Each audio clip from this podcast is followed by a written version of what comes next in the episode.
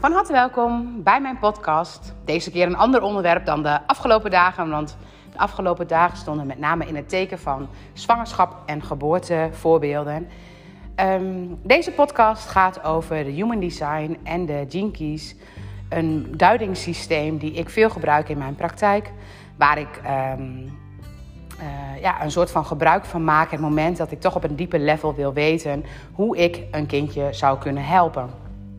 Nou, vanaf het moment dat ik ermee bezig ben, uh, vraag ik ook in de vragenlijst naar de geboorteplaats en de geboortetijd van een kindje.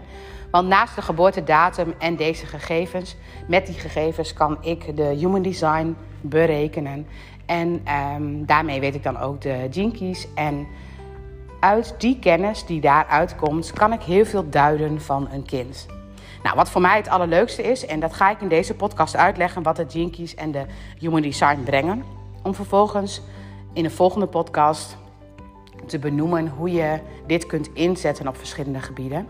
Maar als ik kijk naar uh, de human design, dan was de human design uh, voor mij, toen ik het voor het eerst daarmee in aanraking kwam, echt een hele lollige openbaring. Want ik was wel bekend met de I Ching, met de numerologie, want mijn moeder is numeroloog, numeroloog. Dus ik weet ook veel van numerologie. Eigenlijk is dat met de paplepel mij ingegoten. En alle berekeningen, zeg maar, als er een vriendje was, werd het berekend. En als er een auto op de dam staat, dan wordt er kenteken berekend. Dus ik weet ook heel veel van die manier van kijken en ook hoe lollig het steeds altijd klopt. En, um, maar toen ik de Human Design leerde kennen, toen was het voor mij super tof, omdat uh, de chart van de Human Design negen centra bevat. En die negen centra die komen overeen met het lichaam. Dus het gaat over het hoofd en over uh, het borstgebied en um, het sacrale gebied, de wortel. En ik werk natuurlijk als osteopaat heel veel met het lichaam. Dus voor mij was het natuurlijk één grote toffe uitdaging om eens eventjes zo'n chart ernaast te houden en te kijken van welke problematiek kom ik dan tegen. En daar zitten ongelooflijk veel linkjes in. En ik keek al via de zeven chakra's, maar in de evolutie gaan we nu naar richting de negen. Natuurlijk zijn ze er altijd al. En in het lijf is dat eigenlijk ook al heel duidelijk zichtbaar dat je daar die, die verdeling op die manier hebt. Dus voor mij was de Human Design aanvankelijk ongelooflijk interessant, met name gericht op het lichaam. En de manier waarop ik het lichaam ken en ik zie dan de human design, dan matcht dat met elkaar. En ook bepaalde lijnen die er dan zijn, ja, dat klopt met elkaar. En als er dan bepaalde problemen zijn, dan snap ik, hé, hey, dat vind ik in het lichaam, maar dat correspondeert met dat. En dus het is voor mij een hele mooie verbindingssleutel geweest. Nou, de Human Design, heel veel mensen die naar deze podcast zullen luisteren, zullen de Human Design niet kennen, wellicht. Nou, ik zou het zeker een keer opzoeken als ik je was, want het is echt een ontzettend gaaf duidingssysteem. En daarmee kun je uh, ja, mensen verdelen in, of verdelen, dat is natuurlijk niet helemaal de bedoeling, maar wel zien in verschillende types. Wij zijn allemaal verschillende types en ook allemaal hebben wij een compleet ander human design. Dus wij hebben allemaal onze unieke imprint. En daar geloof ik ook in. Dat we allemaal uniek zijn. En dat we allemaal onze eigen kwaliteiten hebben en onze eigen talenten. En ook onze eigen um, valkuilen waar we regelmatig of af en toe eens invallen. Maar we hebben ook een bepaalde energiehuishouding. Want de types van de Human Design hebben allemaal een andere energiehuishouding. Echt ook op het aura-gebied. Waar een generator, en dat, ik ben zelf een generator, waar een generator zeg maar um, iets naar zich toe trekt en weer naar buiten en weer naar zich toe trekt. Zo werkt mijn aura. Zo werkt alles in mijn systeem. Dus als ik iets doe, dan komt het naar mij toe en dan zend ik het weer naar buiten. En dit is, dat is de manier waarop mijn aura werkt. Kijk je naar een manifestor, dan gaat die vanuit zichzelf naar buiten in de energie werken. En dat is een heel andere manier van um, energieveld. En dat is ook een hele andere manier. Als je een generator iets wil leren, dan, dan komt dat in de buitenwereld en dan pakt hij het op. En dan wil, dan wil ze iets en dan komt het weer naar zich toe. Het is een energieveld wat draait. Wat steeds naar zich toe draait. En een manifestor die wil het eigenlijk veel liever zelf ontdekken. Dat is een andere energie. Nou, kijk je naar een projector, dan is de projector bijna met zijn aura meer in de ander dan bij zichzelf. En dat heeft ook heel veel gevolgen voor het hele systeem. Dus al die types in de Human Design hebben een andere energietype, andere energiehuishouding.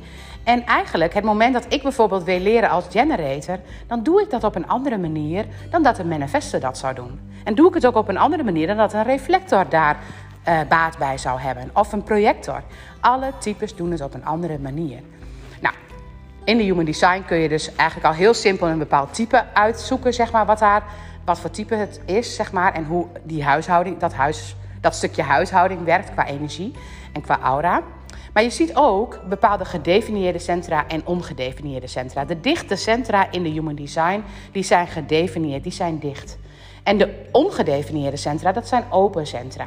Nou, die gedichte centra hebben natuurlijk bepaalde talenten in zich. Jij doet het op die wijze. Je bent daar zeg maar een soort van onverstoorbaar, want je bent daar dicht, dus je hebt die energie in jezelf. Nou, dat heeft allemaal per centra nog allemaal weer specifieke, concrete um, uh, ja, kwaliteiten. Het moment dat je kijkt naar de ongedefinieerde centra, dan zijn dat de centra waarin je beïnvloed wordt.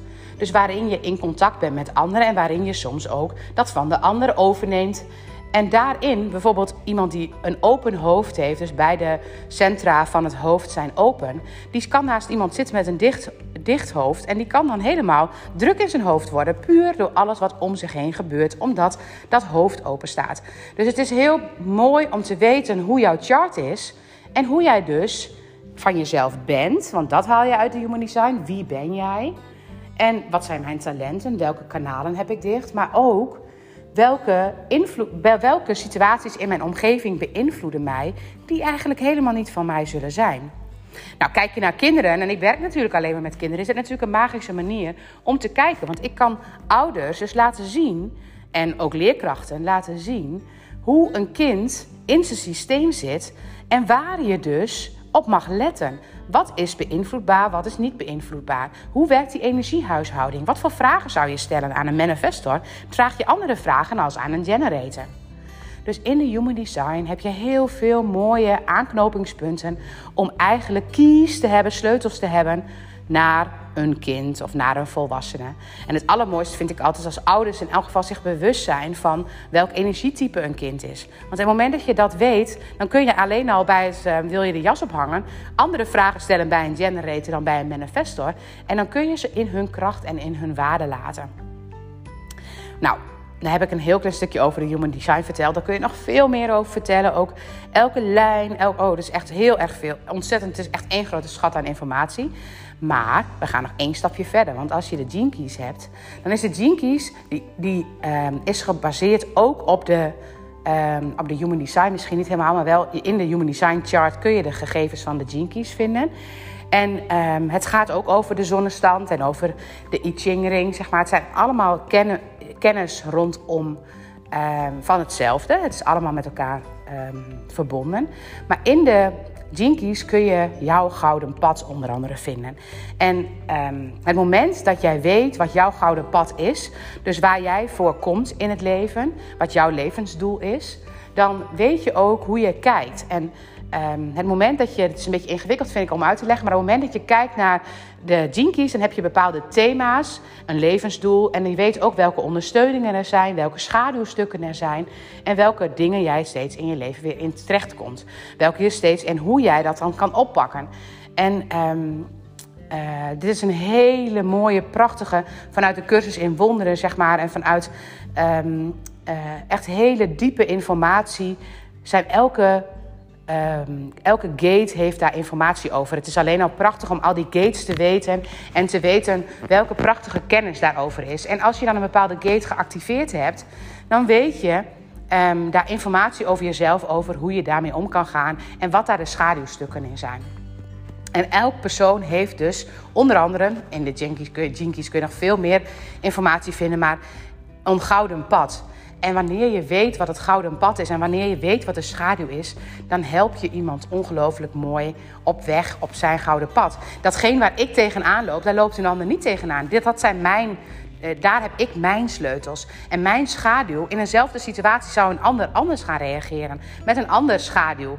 Puur omdat ik mijn schaduw heb en ik mijn pad heb te bewandelen. En ik denk, als je van jezelf je human design weet en je weet je jinkies dat je daarin zeg maar, heel goed bij jezelf jouw pad kunt bewandelen. En dat je jouw goud in het leven kunt brengen. En um, ja, ik zou het gunnen dat iedereen dit van zichzelf weet. Ik weet ook dat het belangrijk is om soms jezelf goed te leren kennen. Dus dat je soms, als je bij een heel klein kindje dit al weet, dan is het heel mooi. Maar het is ook echt heel gaaf om wel te weten al waar je al bepaalde valkuilen hebt, zodat je weet waar het hem in zit. Waar je zeg maar Um, want ik herken het zo. Ik heb in mijn leven de, de, de key, had ik wel eerder willen hebben, heel graag eerder willen hebben. Maar ik vind het ook gaaf dat ik nu de key weet. En dat ik weet waar ik dan in die andere situaties op een bepaalde manier heb gehandeld. En waar die key nu mij anders zou doen handelen. En weten kinderen dit heel vroeg? Mijn kinderen heb ik ook verteld wat hun um, gene keys is. En het is zo grappig gezet. Het is zo typisch en herkenbaar. En het is ook iets waar ze heus nog dagelijks tegenaan lopen. En wat ik dan benoem van, goh, maar weet je, waar moest jij ook maar weer aan denken? Wat is op dat moment, wat is jouw schaduwkant? Dat is dat. En wat zou je dan mogen doen om in jouw kracht te kunnen blijven? En het moment dat je naar de keys kijkt, dan weet je welke schaduwstukken er zouden kunnen zijn. En dan weet je ook hoe je de sleutel kunt geven om op jouw gouden pad te kunnen blijven. Nou, een prachtige methode die denk ik in heel veel, ehm, op heel veel gebieden heel veel kan brengen. En die ik in mijn praktijk uh, echt niet bij elke cliënt volledig benoem. Omdat ik um, nou, met bepaalde hulpvragen dat het een beetje over, uh, de overkill is. Maar het moment dat ik zeg maar één op één met je aan het werk ben bij de dagtrips, dan ga ik jouw profiel benoemen, ga ik human design benoemen, ga ik ook de profielen van kinderen uitleggen. En dan geef ik je eigenlijk jouw goud in handen. Dankjewel voor het luisteren.